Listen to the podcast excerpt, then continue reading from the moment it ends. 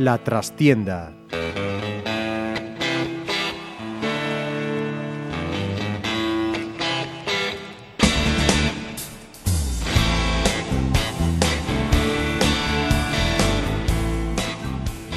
Saludos amigos, os habla Ramiro Espiño en nombre de todo el equipo. Comenzamos una nueva edición de La Trastienda en Pontevedra Viva Radio desde nuestros estudios en la calle Michelena de Pontevedra. Lo ocurrido al Pontevedra frente al Navalcarnero este fin de semana es para no creerlo. Los granates lo hicieron todo bien, menos el remate. Ocasiones de todos los colores y un portero que lo paró todo. Pasarón dictó sentencia también, su sentencia, dejando claro que está con su técnico y Luisito con sus hombres cambiaron la cara aunque no hayan ganado. Ahora queda empezar a crecer y sumar de tres en tres antes de que los nervios actúen. Ganó el Teucro, sufriendo frente a un rival directo como el venidor en un partido intenso que no estuvo decidido hasta el último segundo. Lo hizo por un solo gol, pero que puede valer su peso en oro. También por un gol perdió el Cisne en Torrelavega, en la que es su cuarta derrota mínima en la temporada, aunque esta vez al menos los de Jabato mostraron otra cara y merecieron cuando menos un empate del que le privó una polémica decisión arbitral al señalar falta en ataque de Dani Ramos en la última jugada cuando Javi Vázquez se iba solo hacia portería. Sensacional el Pollo Pescamar, tercero ya a dos puntos de los líderes Atlético de Madrid y Burela y victoria también del Arsil en la pista de Añares Rioja. Las chicas al poder. Por eso, en este programa queremos hacernos eco de una noticia, de momento poco frecuente, que esperamos pronto deje de serlo, que deje de ser noticia y que se transforme en algo habitual, cotidiano como es el hecho de que una mujer forme parte de un trío arbitral en un deporte como el fútbol y lo haga interviniendo además en un partido de la máxima categoría femenina, en la primera división. Eso precisamente será lo que suceda el próximo fin de semana, en el que por primera vez una mujer perteneciente a la delegación de Pontevedra del Colegio Gallego de Árbitros de Fútbol actuará como árbitro asistente en el partido Real Betis Balompié Atlético de Madrid que se disputará en Sevilla. Ella es María López Herbés. Bienvenida, bienvenida.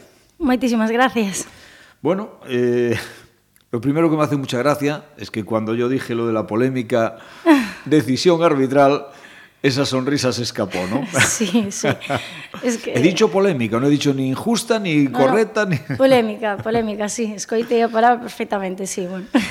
É que normalmente eh, as decisións dos árbitros son polémicas. Esa é a palabra precisa polémica porque non están de acordo un lado, non están de acordo os outros, entonces aí se, se forma non o que é esa palabra en sí. Como estamos na nosa terra, eh, aínda que isto é internet e se escoita en todo o mundo, eu sei que ti estás máis cómoda falando en galego, polo tanto, imos seguir o resto do programa en galego ata o final. Non, non, non te preocupes, para os oindes... Nada. En... Hablamos en castellano, non hai problema ninguno, cambiamos, perdona. Sin problema. Este, en este periódico, en esta radio digital, somos absolutamente... aceptamos todas las... y, por supuesto, como no, nuestra lengua gallega que está tan bonita, ¿no?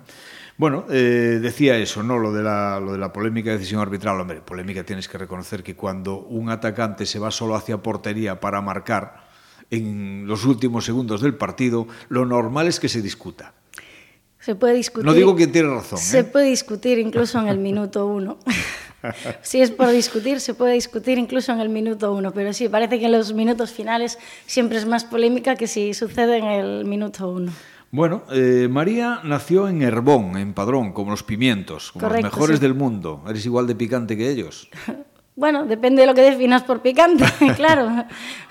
¿A no, qué no, te digo, refieres? Digo en el arbitraje, claro. ¿A qué te refieres? Polémica o no. Según quien vea el partido. Prefieres pasar desapercibida. Según quien vea el partido. Dicen que no. Bueno. Pero... Vive, yo soy de los que pienso, aunque cuando contratamos contigo para hacer la entrevista no estabas muy de acuerdo con, con, esta afirmación, ¿no? que lo mejor que le puede pasar a un árbitro es pasar desapercibido y que se hable poco de él. No estoy totalmente de acuerdo porque cuando algo no se menciona, entonces no existe. Entonces, si no mencionamos a los árbitros, si no mencionamos el peso que tienen en un partido, eh, que toman las decisiones y lo importante que es tomar una u otra decisión, que precisamente por eso son importantes, porque alguien tiene que tomar esas decisiones. Entonces, si no mencionamos que hay una figura que es quien lleva el peso de tomar si una decisión es hacia A o hacia B, entonces estamos diciendo que no hace falta, que no, que no es necesario, que no existe. No, que realmente no, so, existe. Sois imprescindibles, evidentemente. Claro, el deporte eso. no sería posible sin el árbitro como no sería posible sin el balón. Claro, exacto. Entonces, por eso eh, existe, por eso hay que mencionarlos. Bueno, viniste a Pontevedra, como digo, aunque has nacido en Herbón y demás, llevas aquí en Pontevedra pues eh, casi media vida ya, porque eres muy jovencita todavía y llevas como 14 años aquí en Pontevedra, ¿no? Sí, 14 o 15, sí, por ahí, tengo 32, así que sí, casi media vida, sí. Has venido a estudiar y aquí te quedaste porque la verdad es que se vive sí. bien, ¿no? En Herbón bueno, no sí. se vive mal, pero... bueno, claro, la, la, tierra siempre tira para, para uno, ¿no? Entonces, pues siempre se habla bien de casa y es donde más gusta estar. Pero sí, Pontevedra es una ciudad muy, muy buena para vivir. Además, es eh, cuna de, de, muchos deportes y, y, y, bueno, muy, muy variados, es decir, no solo un deporte, o sea, tenemos gran variedad. Ves a la gente corriendo en espacios eh, al aire libre. Para los que que nos gusta el deporte, esta ciudad es una maravilla. Es, es sí, correcto. Eh, perfecto, lo has descrito perfecto. Para los que nos gusta el deporte, esta ciudad es perfecta. Y luego no es una gran ciudad, se puede vivir cómodamente sin los típicos atascos, sin como las grandes urbes que a mí desde luego no me gustan. Yo quiero en esta trastienda descubrir a la María mujer, pero a la María deportista también, a la María persona, ¿no? Mm.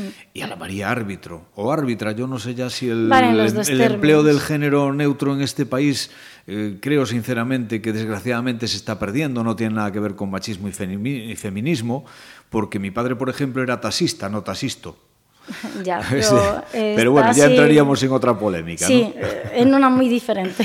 Eh, pero sobre, sí, están aceptadas las dos, pero bueno, árbitras supongo que Sobre todo lo importante correcto. es el respeto y la igualdad, que se considere, pues sí. que dejemos de ver a la mujer árbitro o árbitra como algo excepcional en el fútbol o en cualquier deporte. Correcto, que no veamos si es chico o chica, que veamos que es una figura que dirige un encuentro, que es igual que los futbolistas, no veamos si es un partido de chicos o un partido de chicas, veamos cómo manejan el balón. En realidad, lo que se ve cuando, cuando tú arbitras, o al menos desde mi perspectiva, es cómo manejan el balón. Da igual que sean chicas que que sean chicos, que lleven coleta o que dejen de llevarla. Bueno, y María, además de árbitro, o es árbitro además de, no sé en qué, en qué orden, ¿no? Eres monitor en un gimnasio y colaborador en un gabinete de fisioterapia y te queda tiempo para todo. Sí, bueno, aún me queda tiempo para más, sí, siempre me estoy anotando pues a cursos, experiencias, eh, sí. me gusta compaginar un montón de cosas, la verdad soy una persona muy inquieta, que eso, que necesito actividad y necesito estar en, en muchas cosas. ¿Y antes de dedicarte al arbitraje habías jugado alguna vez al fútbol? No, en el patio del colegio únicamente, pero tanto un día jugaba al fútbol como al día siguiente hacía gimnasia rítmica, o sea, se me dio por esto como se me podría sí se me dio por esto como se podría haber dado por, por otra cosa y por qué decidiste ser árbitro de fútbol entonces pues porque esa es están... la, la, pregunta no la clave qué te llevó a eso en qué momento de tu vida dijiste bueno pues yo voy a coger el silbato y a ver qué pasa con eso pues mira hombre yo cuando ya veía partidos de, de fútbol eh, por la televisión bueno, desde muy jovencita mi padre me decía, tienes que decir, decidirte por un equipo o por el otro, no puedes ir siempre con el que va ganando.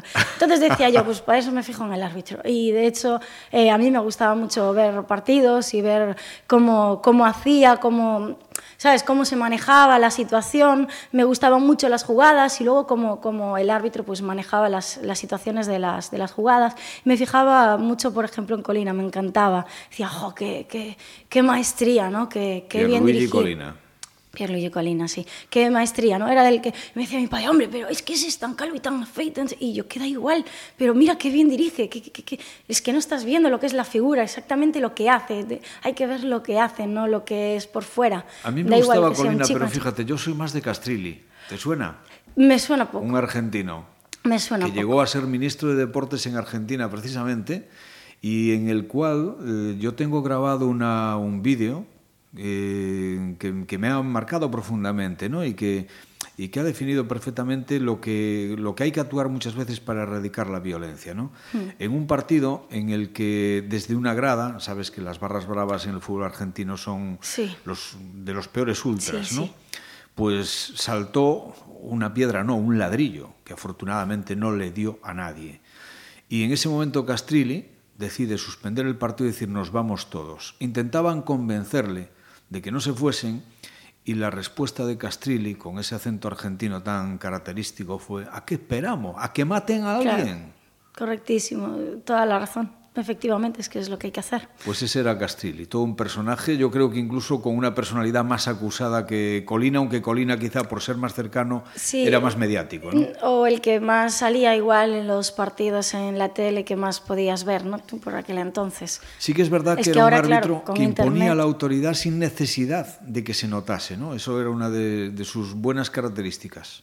Puede ser, yo lo veo así, pero bueno, a veces también eh, salen fragmentos en que se ve así como muy agresivo, muy tal, muy, como muy fuerte y tal, pero, pero en realidad mm, mm, le bastaba una mirada para que el jugador supiera que ya estaba. Quien mandaba y que, Y que no hacía falta imponer el respeto para ganárselo. Exactamente, exactamente. Hombre, tuvo detalles también, Colina, muy bonitos. Una final de, de Champions en el Camp Nou entre Bayern de Múnich y Manchester United, en el que en el último minuto el equipo que gana termina perdiendo 2-1 Sí. y que Pierluigi Colina Sí, va se a va después de pitar sí. el final a consolar Sí. 1-1 a los perdedores. Y es un gesto bonito y no veo por qué debe de estar mal visto, o sea, No, porque para hay, nada. hay gente que- Ojalá hubiera más. Sí, eh, pero bueno, eh, hay gente que dice, jo, es que parece que está de... Si haces eso en, en un equipo eh, de cualquier fin de semana de categorías inferiores, parece como que está mal visto y, y no debería, es, jolín, pues qué pena que hayáis perdido, que...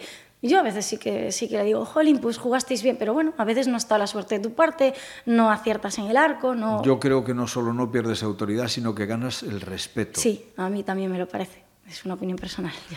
Bueno, eh, evidentemente vamos Pero a... bueno, no, no me metí en... Vamos a ir avanza- avanzando en. María López Cervés, ¿no? que es lo que nos trae aquí. Si no, me da la impresión de que nos puede dar la noche, la mañana siguiente y, y algo más si seguimos hablando de fútbol, porque te veo que eres una mujer apasionada por el deporte. Sí, sí, por cualquier deporte además. Me gusta mucho probar diferentes deportes para saber, bueno, ponerme en la posición de, que- de quien los practica. Tú misma has sido, eres actualmente árbitro en primera autonómica Sí. y has llegado a preferente, pero una inoportuna lesión pues te mandó de vuelta a primera autonómica, ¿no? No pudiste defender la categoría. Las lesiones son siempre muy inoportunas, siempre. De hecho, para cuando iba a ascender también estaba muy ilusionada y muy preparada y justo pues también una lesión, bueno, eh, fue un accidente de tráfico, pues me privó de esa oportunidad y, y luego cuando por fin, años más tarde, lo, lo conseguí, pues lesión, me recuperaba y volvía a la lesión, es como que, vamos, la capacidad de resiliencia pues la tengo más que más que, vamos, desarrollada, porque es eso, lesión tras lesión, el recuperarse, el seguir ahí. Eh, yo creo que es el no perder la ilusión por lo que te gusta. Cuando algo te gusta, pues eh, no, no pierdes esa ilusión, no pierdes ese, ese contacto con... ¿Y qué es más bonito, ser árbitro principal, estar con el silbato o estar con el banderín como asistente? Pues para mí, como árbitro principal, porque yo de hecho ya hace muchísimos años y me lo reiteraron en varias ocasiones que, oye, mejor en el banderín, que mira que vas muy bien, que tú en el banderín súper bien, porque, y además te sería más, eh, jolín, más fácil porque hay menos gente que quiera el banderín. Y digo, ya, pero ¿qué se yo le te va a voy a hacer? decir una cosa, a mí arbitrar, siempre digo, es difícil, ¿eh?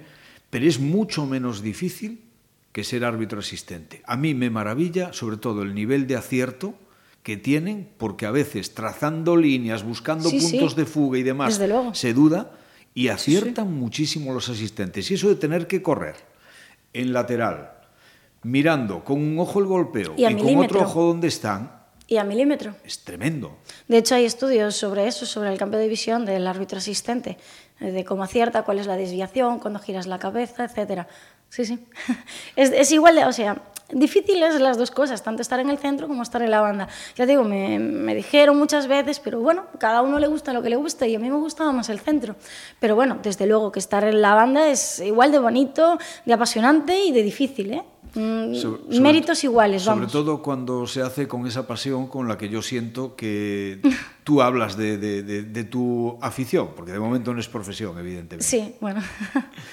Y serás precisamente asistente de Zulema González, Sí. una chica de Ourense, Sí, sí. otra pionera del arbitraje femenino, porque ha sido la primera mujer gallega en dirigir partidos de tercera división mas- masculina, concretamente un Ribadumia Boiro, si no me equivoco, el 13 de septiembre de 2015. Sí, sí, que la fui a ver, estuvo estupenda. Estuvo estupenda, tanto ella como las líneas que la acompañaron en la banda, que una fue Elena, que de hecho tuve yo hace 10, 12 años, creo que fue, cuando en el 2007... Otra chica de carácter, Zulema, ¿eh? Eh, sí, Pues en las bandas la acompañaban Elena, eh, Elena que, que, la llevé yo de línea eh, cuando eh, fue el partido de la selección gallega contra la catalana, creo que fue. Y, y no, contra Islas Baleares, perdón, contra Islas Baleares. Y de hecho en el último partido que pitó eh, Elena, también la fui a ver, que pitó la selección eh, gallega contra las catalanas y la otra asistente era Alicia. Eh, me encanta, me encanta Zulema, sí, me encanta Zulema en el centro, como arbitra, como dirige, sí. Como ¿Es la primera la vez que haces trío arbitral con ella? Con Zulema, sí. Uh -huh. Sí, sí, con Zulema es la primera vez, sí. La fui a ver en, en diferentes ocasiones, pero es la primera vez que, que me toca. Eso pues, sí, quizás sea un pequeño cambio con respecto a los hombres en máximas categorías que normalmente suelen llevar su propio equipo de asistentes más o menos fijo, ¿no? Sí, sí, puede ser, puede ser se busca a lo mejor pues potenciar también el que a más chicas os llegue la oportunidad de estar pues sí, en primera yo, división. Yo creo que es, que es eso, que, que, se reparte un poquito, que todas las chicas tengamos la oportunidad de, de, poder ir a este, a este tipo de partidos que, bueno, no todas pueden, pero bueno, que llegue a las, a las máximas posibles, claro. ¿Y qué, qué esperas que pase el, en Sevilla? ¿Cómo, ¿Cómo, te vas a encontrar? ¿Hay hormigueo? ¿Hay, no sé, ese, esa especie de inquietud de decir, a ver si me voy a equivocar? Mira que, no sé. No, bueno, a ver, una tiene que ir segura al partido. A ver si, si, piensas a ver que me voy a equivocar, ya, ya vamos mal, ¿no? Es eh, a ver cuánto voy a acertar, qué bien lo voy a hacer. O sea, la perspectiva tiene que ser siempre diferente, ¿no? no pensando en lo que te vas a equivocar, sino en lo bien que vas a actuar, lo mucho que vas a acertar y sobre todo disfrutar del juego, de las que vas jugadas. a estar en un de... partido con el actual campeón de liga, ¿eh? Sí, correcto. Eh, de hecho, yo había hecho un, uh, un, uh, un proyecto eh, cuando hice un máster aquí por la Universidad de Vigo de eventos deportivos y había hecho un evento deportivo e invitamos al Atlético de Madrid para que jugara con las máximas categorías que había aquí en Galicia, como bueno, Arausán, ante mm. otros. Y, y, de hecho, la final de ese torneo la, la dirigí yo. Entonces, bueno, por, por, así decirlo, ya me he codeado con algunas... y son fantásticas, la verdad, mueven muy bien el balón y juegan fantásticamente. Es una delicia verlas jugar. Bueno, ¿y cómo has recibido esa designación? ¿Es un premio para ti, un paso más en tu carrera arbitral, un reconocimiento? ¿Cómo lo consideras? Pues sí, igual eh, un reconocimiento a, la labor de, pues eso, de, resiliencia, de resiliencia que tengo, que, que bueno, que sigo ahí bache tras bache y, sigo sin, sin dejarme en el suelo, ¿no? O al caerme, volver a levantarse. Yo creo que es más un premio a eso, a la constancia, al esfuerzo, al seguir ahí. Es que dice el dicho que lo importante no es caerse, sino ser levantarse. capaz de levantarse, ¿no? Correcto, sí. Caer y tropezar lo sí. hacemos todos. Sí. Bueno, y cada vez empieza a haber más chicas árbitro. ¿Cuántas sois ahora mismo en la delegación de Pontevedra, sabes? Pues mira, la verdad es que en Pontevedra siempre hemos sido poquitas. Yo a veces preguntaba en otras delegaciones que cuántas eran y tal, y siempre eran más. Y yo, jolín, aquí en Pontevedra parece que no cuaja. Venían algunas, algunas se anotaba, echaba dos, tres años y se iban.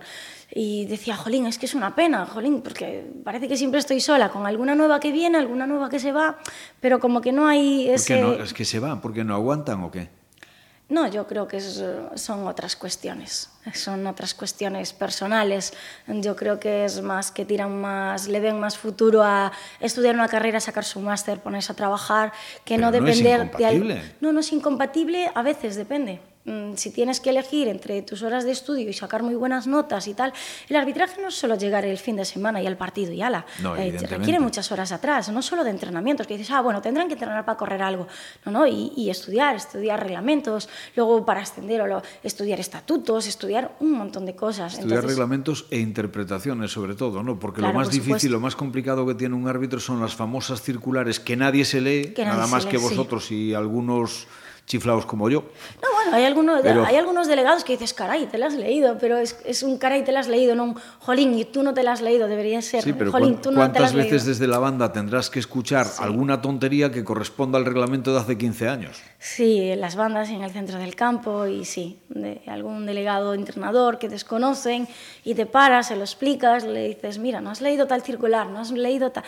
Y yo, mira, aún salió tal. De Es que hecho, digo yo- recientemente digo lo que yo más... que las interpretaciones es lo que más os complica la labor, ¿no? Porque cuando se deja algo a la interpretación, las, los dos podemos ver la misma cosa y cada uno interpretar algo diferente. Sí, correcto. De hecho, las reuniones que tenemos entre todos los árbitros en el Colegio de Pontevedra suelen ser los viernes. Eh, esas eh, son lo que se ponen en común son cómo tomar eh, esas decisiones, cómo interpretamos de, de, forma conjunta para tener pues todos el mismo criterio, ¿no? Porque luego llevas a lo, ah, es que tú pitas de una forma y tú y el otro pita de otra. Sí, porque evidentemente somos personas diferentes. Pero hacemos esas reuniones precisamente pues para repasar reglamento, dudas, lo que sea, pero sobre todo para, para, para unificar criterios y ser, pues eso, lo más unánimes, lo más iguales posibles en las decisiones que se tomen, por lo que dices tú, por las interpretaciones, ¿no? que, que lleguemos a interpretar todos lo mismo. Te voy a meter en un pequeño aprieto, no me contestes si no quieras, porque yo sé que a veces pues, eh, no, no, gusta demasiado ¿no? en los que mandan en los, en los colegios arbitrales, pero ¿no crees que el hecho de que tengáis la prohibición, o sea, ahora mismo estamos aquí hablando, entrevistándote, hemos tenido todas las facilidades por parte de, tu presidente, de Manolo Vidal, para que estés aquí, pero yo particularmente, lo digo como periodista, incluso como aficionado, echo de menos que al acabar un partido, al igual que los entrenadores, los jugadores comparecen en una rueda de prensa y se le pueda preguntar si lo han hecho bien, si lo han hecho regular, si lo han hecho mal, a un árbitro se le pueda preguntar por qué has pitado aquel penalti, qué has visto en aquella jugada, etcétera, etcétera. Y eso lo tenéis prohibido. Eh, estoy totalmente de acuerdo con lo que dices, que debería de ser. No creo que lo tengamos tan prohibido. A mí nunca me lo han prohibido, de hecho. Mm, no sé a quién se lo habrán prohibido. A mí nunca me lo han prohibido. Lo que pasa es que no gusta dar unas explicaciones que no se van a escuchar realmente. Me las vas a oír, pero no me las vas a escuchar. Entonces, realmente, ¿para qué te voy a explicar algo con lo que tú solo estás dispuesto a discutírmelo, no a escuchármelo? Realmente yo creo que esa es la razón. Pero al menos es la forma de hacer llegar el modo de ver. Porque claro, yo, yo veo el partido desde una grada uh -huh. y tengo un ángulo de visión ¿Sí? y tú lo ves desde pie de campo y tienes otro. Totalmente A lo mejor si me ¿sí? explicas el por qué no has pitado esto, simplemente me dices, es que no lo he visto, es que se me ha cruzado un jugador por delante en ese momento. Muchísimas veces vienen los delegados, a, los entrenadores, incluso jugadores, a hablar conmigo, incluso estando en el terreno de, en el terreno de juego, el terminal, y yo les explico tranquilamente. De hecho, en alguna jugada le digo, al finalizar yo te explico. Ahora sí, porque claro, tienes que seguir la jugada. Yo te explico. Incluso le dices, en el, en el intermedio, o sea, en el descanso, yo te explico. Y hay algunos eh, entrenadores que no vienen, entonces es porque no les interesa saber el por qué. De hecho, a mí me pasó hace un par de fines de semana. En el intermedio te explico. Y yo estuve esperando por él y no vino. O sea, no le interesaba mucho saber el porqué de esa decisión. Además, era una decisión que es de reglamento, tampoco era de apreciación. Con lo cual, mm, es decir... ¿Sabes qué pasa? Que también lo digo, hay muchísimos jugadores, incluso profesionales, que es increíble que no, saben, no, se han sí. molestado en conocer sí. su herramienta de trabajo, que sí. no solo es el balón, sino el reglamento. De hecho, me pasó este mismo fin de semana en Primera Autonómica, eh, saque de portería, no sale fuera del área grande. Es decir, ¿en serio? O sea, por favor, que, o sea, Benjamines no, Alevines, Primera Autonómica, señores, ya habéis pasado por tercera, segunda, no sé, algo, un algo, lo mínimo, lo mínimo, y, y no, y jolín, y dices, eh, qué pena, porque cosas básicas, o sea, luego, ¿cómo me vas a discutir una cosa de apreciación o, o una cosa más, no sé, que tenga más intríngulis y cuando ya un saque de meta no sabes que tiene que salir fuera? Yo estoy por asegurar que a, la, a una buena parte de los jugadores de fútbol, no digo solo españoles, de, de, de todo el mundo, ¿eh? Eh, les pones en una tesitura una pregunta bien simple una falta a favor de tu equipo, la sacas hacia atrás, metes el balón dentro de tu, de tu propia portería, ¿qué es? dices, no, gol. No, saque de meta. No, eh, se repite. Y dices, ah, no, es a ver, ¿te, ¿te, lo has leído? ¿Te lo has leído? Eh, nadie, nadie. Yo creo que no, no aciertan. Yo creo que incluso te dan todas menos la que es porque no, no, se imaginan. En eso estamos absolutamente de acuerdo. Te dicen bueno, antes las otras que, que, la que es. ¿Y qué les dirías a otras chicas que para animarlas a que se sumasen a la causa y que se anotasen? Que prueben, que sobre todo que prueben. Sobre todo que prueben, que vengan, que se animen y que prueben. Porque eh, yo empecé precisamente porque un compañero de la facultad me dijo, ah, venga, vamos, que dan unas becas universitarias. ¿qué dices? Pero si solo hemos dado fútbol, eh, no hemos dado nada de reglamento, solo es táctica, técnica, ¿qué, qué? Da igual, somos de eh, algo más que los demás, que los de comunicación o forestales, sabremos. Si son becas universitarias, tampoco va a morir nadie. Eso, pues, y así fue como me anoté, probé, me gustó Y luego me fui, pregunté, ya me interesé yo por irme a federar. Entonces, lo que les diría es que prueben, que además eh, se abren convocatorias, concursos, eh, entonces, pues eh, que vayan a probar, a, ver de reglamento y a ver sobre el terreno de juego cómo se desarrolla, porque a veces desde fuera no, no resulta tan atractivo y una vez que lo pruebas, encontrarás que la mayoría de los árbitros te dirán, yo cuando lo probé, me enganché. Supongo que más de una vez habrás tenido que aguantar a los típicos graciosos que te menosprecian o menosprecian tu labor en un campo de fútbol por el hecho de ser mujer. Desde el vete para tu casa o mujer tenías que ser, en fin, las típicas frases que no hay que darle más importancia, pero que desgraciadamente se siguen repitiendo. Bueno, no hay que darles más importancia o sí, si no les damos importancia, no las erradicamos. Entonces depende cómo se vea todo. No hay que darles importancia igual en el momento para no generar. No, no, digo pues, que no hay que darles importancia no porque no la tengan, sino porque simplemente definen a quién las pronuncia. Exacto, sí, bueno, en eso tienes toda la razón. Yo, en, en ese aspecto, desde ese punto de vista, claro, no les doy importancia porque digo, si alguien opina así, ni sabe de reglamento ni sabe de personas, o sea, ni una cosa ni la otra. Entonces ha venido aquí solo para, no sé, gritar, desahogarse, pero no desde luego para, para opinar sobre algo mínimamente decente. Entonces, eh, en es, desde ese punto de vista sí que le restas importancia. Pero luego, evidentemente, si puedes, las castigas para que no se repitan, porque no son agradables y no benefician a nadie. ¿Te has visto alguna vez en la tesitura de tener a lo mejor que parar un partido sí, porque hace dos alguien semanas. está haciendo el tonto? Sí, sí, mismamente. Este fin de semana pasado, el anterior. ¿Qué pasó? Eh, pues en un partido, pues desde la grada, eh, violencia machista, bueno, de, desde una señora y decía yo, pero es que por encima es una señora. No es que, son, es que claro, como es mujer, yeah. no. Es decir, viniendo de un hombre es lo que más estamos mm. acostumbrados a ver, pero es que viniendo de una mujer es como, jolín, Duele más. realmente no te identificas con mi género, entonces uh -huh. tú qué eres. Eh, porque que no te, se identifique un hombre, porque al no ser del... Pero una señora que no se identifique siquiera con tu género, pues es, yo creo que desde es una opinión personal, es, es aún más triste, no más castigable. La igual, estupidez no tiene género. Igual, eh, sí, igual de castigable, pero más triste desde, desde mi punto de vista, por no comprender que, que oye, tienes el mismo género que yo, eh, o sea, no, no entiendo. Y sí, tener que parar el partido, etcétera. Lo paré una vez y, bueno, pareció que cesaron, pero bueno, es una cosa que se repite. Pero bueno, da igual que sea violencia machista, que sea violencia pues de que, o sea, de física, sí. física o incluso pues racista o etcétera, uh -huh. o sea, hay que parar ante la porque es que si no no lo radicamos. Sí, sí, Entonces, el, caso, que... el caso que te decía antes de Castrilli, no, hasta aquí se acabó. Sí, sí, si no, ¿a qué esperamos? ¿A que uh -huh. pase algo más grave? Es que tiene razón. Uh -huh. Es que tiene razón. Si no paramos cuál, en el ¿Cuál momento... fue la situación más desagradable que te has encontrado? ¿Más desagradable en cuanto a qué? En tu carrera arbitral. ¿Pero en cuanto a qué? Eh, pues o sea, con jugadores, con público, con directivos, con... Es que imagínate, son 13 años. ¿eh? Uh -huh. Mira que esto da para un libro. o sea, situaciones desagradables hay muchas. Por ejemplo, la última, la más reciente, esta. Eh, este fin de semana pasado, pues eh, parándome a hablar con el delegado de campo de, de, un equipo, pues que otro desde la cantina, un directivo de ese mismo club, pues dijera, deja de mirarle el escote. Que ni siquiera lo iba, pero es que es una falta de respeto. Me lo ya. estuviera viendo, no me lo estuviera viendo, fuera escotado uh -huh. o tapada hasta la nariz. Es que es una falta de respeto en sí mencionarlo. Eh, pero situaciones desagradables, pues hay de mucho tipo, no solo mm, eh, de género, sea, pues desde batallas campales en campos de fútbol que tenga que venir la Guardia Civil a poner orden, a identificar a gente, que seamos custodiados. Yo creo que eso va mm, a menos. Sí, me parece a mí que sí, pero bueno, eh, a, o sea, a mí me tiene pasado hace más años, ahora ya no me pasa tanto.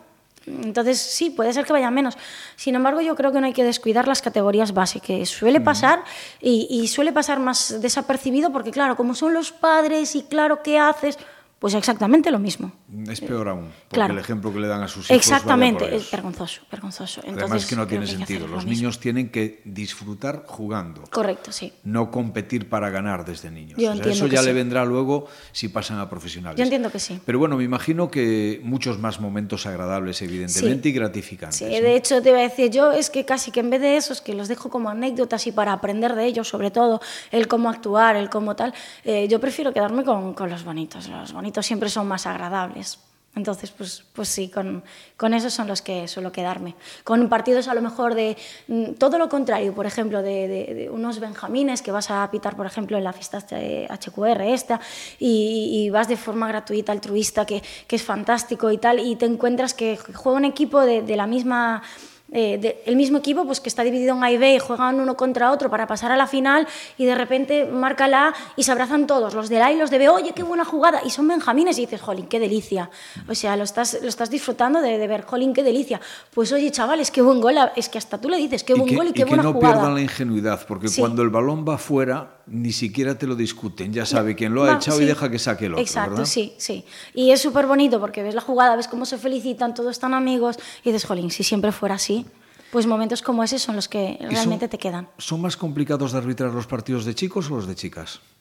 ¿Más complicados en qué? O sea, es el mismo reglamento. No digo porque a lo mejor que te pongan, por supuesto que es el mismo reglamento, pero en un momento determinado, pues que te pongan en más compromisos, porque a lo mejor los chicos son un poquito más, más perros, más buscan engañar al árbitro, no colaboran tanto. No, no, o no, todo lo contrario, no, no. O sea, ahí. ¿Tú crees que no hay diferencias? No, es que depende qué equipo te encuentres y realmente depende qué persona te encuentres. No depende de si, si, es chico o si es chica. Puedes encontrarte un jugador pues que es más sucio entrando a las faltas, que siempre está agarrando por detrás, haciendo como que la agarran y tirarse. Y puedes encontrarte una jugadora que venga, va a devolverlas todas porque cree todo injusto, que mete el pie como lo mete ya sin mirar, que, o sea, para nada. No, yo creo que ahí no hay diferencia entre género. Lo que hay diferencia es eh, de personas de yo soy una persona y tú eres otra. Y, en ese sentido, algo que siempre me ha llamado a mí un poco la atención o me ha intrigado, ¿no? De alguna manera. Me imagino que sí, porque además sería natural que lo hicieseis. Cuando recibís las designaciones del fin de semana en el colegio, entre vosotros os habláis y, os decís, oye, pues informándoos, ¿no? Ten cuidado con este equipo, ten cuidado con este jugador que puede complicarte por esto, por lo otro, por, por esas sí, características sí. A veces sí ocurre, sí, a veces sí ocurre. O sea, a mí me gusta llegar al campo y decir, unos van de amarillo y otros van de rojo. Mm, o sea, sin que sea el cuspedriño de arriba y el cuspedriño de abajo. Pero es verdad que conocer a los jugadores, conocer ayuda. a los ayuda, ayuda mucho porque ya sabes si, por ejemplo, un entrenador en la banda pues protesta, le llamas la atención o te dice y le dices, mira, ya está, y él, pues fue un momento y se acabó, no es tampoco una protesta uh -huh. muy ostensible, ni, ¿sabes? Es una simple observación y ya está. O si uno que te está dando la lata seguido y dices, pues mira, no, eh, porque sé que tú me das la lata seguido, a la segunda, pues chico, te vas. Entonces es útil para eso, para decir, mira, aprendes esta vez, ah, vas a, vas a esperar a la siguiente para aprender o que yo creo que, y los jugadores igual, si ya sabes pues que un, entre, que un jugador entra más brusco, más, estás más atento a cómo entra, por ejemplo. No es decir, ah, ya se la tienes guardada. No, no, no. Uh -huh. Simplemente estás más atento a, pues, si entra, cómo entra, estás más atento al, a cómo va a hacer, ¿no? No predispuesto a hacer una cosa u otra, sino más atento. Bueno, y para ir cerrando, volvemos un poco al principio, ¿no? Cuando tú me hablabas de tu padre y que decías que no podía ser siempre de lo, del equipo que ganase, por eso sí. te decidiste por no ser de ninguno. Pero, ¿qué te dijo tu padre cuando le dijiste, papá, voy a ser árbitro? Que, bueno, que, que, me, que me dijo y que me dice siempre. O sea, yo no le dije, papá, voy a ser árbitro. Yo simplemente me metí árbitro y le dije, ah, pues soy árbitro. Fue al revés, ¿no? Ah, ya, a hechos consumados. Sí, a hechos consumados, sí, sí. No es una cosa que le tenga que pedir permiso. Además, era mayor de edad, con lo cual no, no necesitaba. Pero, pero sí le dijo, ah, ah, para, y me decía, y me lo dice, ah, pero ¿para qué te metes en eso? Son ganas de meterse en problemas, jolín, es que tal. Y sí que una vez Porque me... en la familia no había ningún antecedente. No, no, para ¿no? No, no. En absoluto. Bueno, de hecho, tengo un primo, eh, bueno, es primo lejano, realmente es primo de mi madre, me llevo muy bien con él, y sí que está, estuvo en primera división eh, de línea, eh, Manuel Aboy. Pero vamos, que yo conocí ese hecho mucho después, porque bueno, eh, no, es pariente lejano, o sea, no nos no vemos siempre. Familiar. No, sí que lo conozco, he ido acciones allá, etcétera, pero no es decir lo conocí antes, no, lo conocí después de ser árbitro y dije yo, anda, mira, tal. Y sí que tenemos hablado de cosas, lo tengo visitado y tal, pero vamos, fue, fue a posteriori.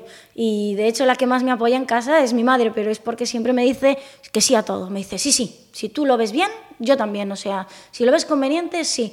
mi padre me decía que, que, para qué meterse en esos follones, que la gente se pelea mucho, que, que son ganas de historias, pero bueno, eh, es por el carácter. También me dice, ¿para qué vas a viajar? Es que claro, y mi madre me dice, viaja, viaja, conoces mundo.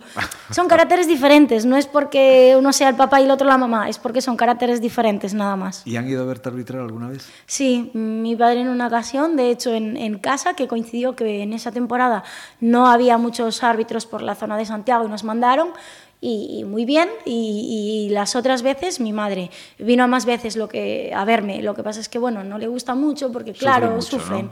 Dicen desde las gradas y dice, es que lo que más recalca... Escuchar tonterías y no poder contestar. Sí, sí, eh, es que es eso. Y, dice, Jolín, pero si yo veía que lo estabas haciendo bien, además yo sé que lo haces con la mejor intención, evidentemente. Además es que los padres siempre nos ven bien, ¿no? A sí, todos, claro, siempre. claro, eh, claro. Eh, con las gafas de mamá o de papá pues, se ve de otra manera.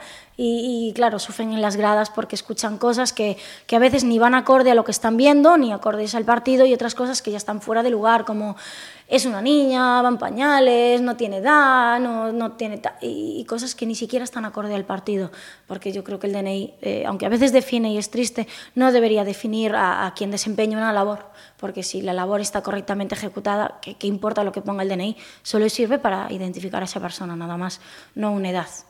32 añitos, me decías al principio. Sí, sí. Eh, ¿Cuántos te quedan?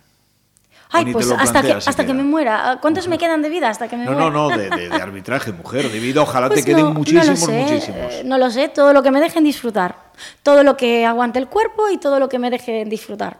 No, no me planteo, ay, solo tres años más, ay, solo hasta que alcance tal categoría. No, no, me gusta, por lo tanto, hasta sí, porque que en cuanto al ascenso en categorías hay una limitación por sí, edades, ¿no? es una pena, sí. realmente pero, es una pena. Siempre he estado en desacuerdo, incluso para entrando en el cupo, ahora ya no entro, pero entrando en el cupo siempre he estado en desacuerdo, porque entiendo que si una persona eh, está bien formada, tiene un rodaje adecuado, está bien. físicamente está pues estupendamente y o sea, si en el baremo tú das lo que tienes que dar, en, en, todo el baremo, sea físico, sea técnico, lo que sea. Además hay una cuestión muy pues clara, es lo una que pena. se pierde en lo físico se gana en la experiencia, ¿no? Porque hay muchas veces bueno, que a medida que vas sí. ganando experiencia sí, sí. no necesitas correr tanto para estar donde debes. Sí, correcto. Pero bueno, eh, el físico es una parte importante, yo entiendo que también es una parte importante. Pero bueno, si estás dentro del, del estándar que se, que se marca, ¿por qué no? ¿Por qué no? ¿Por qué te dicen, no, es que tu DNI pone que has cumplido ayer 34?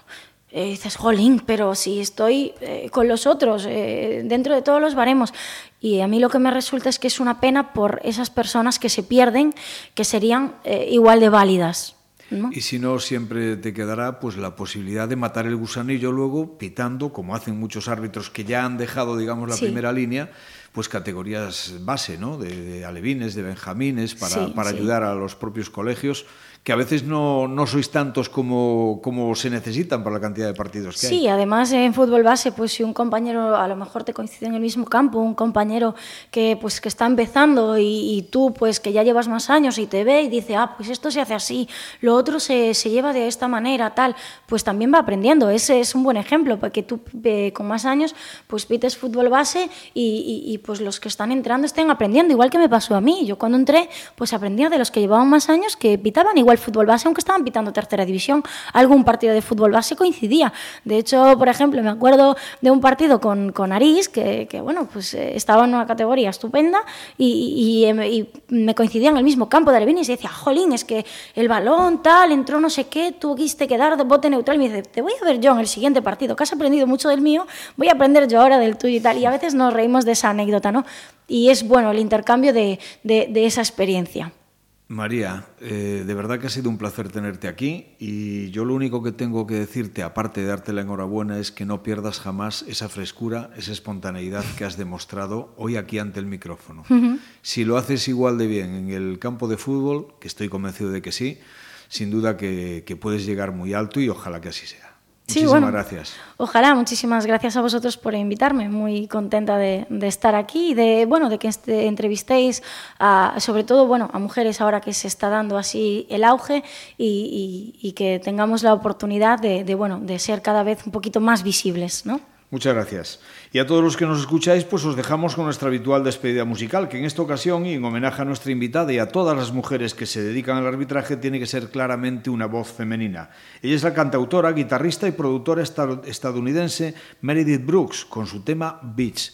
Como lo he escogido a propósito, porque aunque Beach significa perra en, castellano, lo que quiero simbolizar con este tema y con esto es que cuando Meredith Brooks lanzó esta canción, había pocos sitios que se atreviesen a pronunciar el nombre de su título. También hay poca gente que se atreva a aceptar todavía que la mujer tiene un hueco no solo en el deporte y en el arbitraje, sino en cualquier faceta de la vida. Ese es el objetivo, ningún otro. Como siempre, que lo disfrutéis. Será hasta la próxima semana que intentaremos que haya más y si podemos también mejor. Muchísimas gracias. Os esperamos.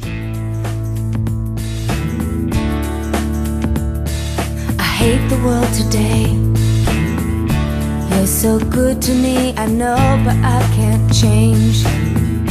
Tried to tell you, but you look at me like maybe I'm an angel underneath, innocent and sweet.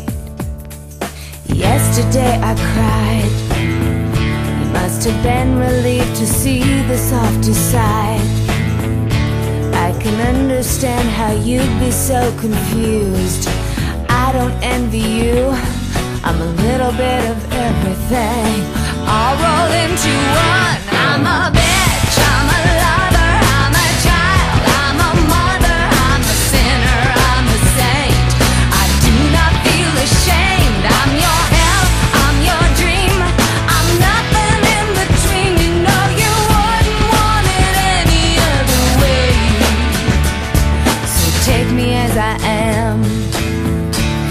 May mean you'll have to be a stronger man. Rest assured that when I start to make you nervous and I'm going to extremes, tomorrow I will change and today won't mean a thing. I'm a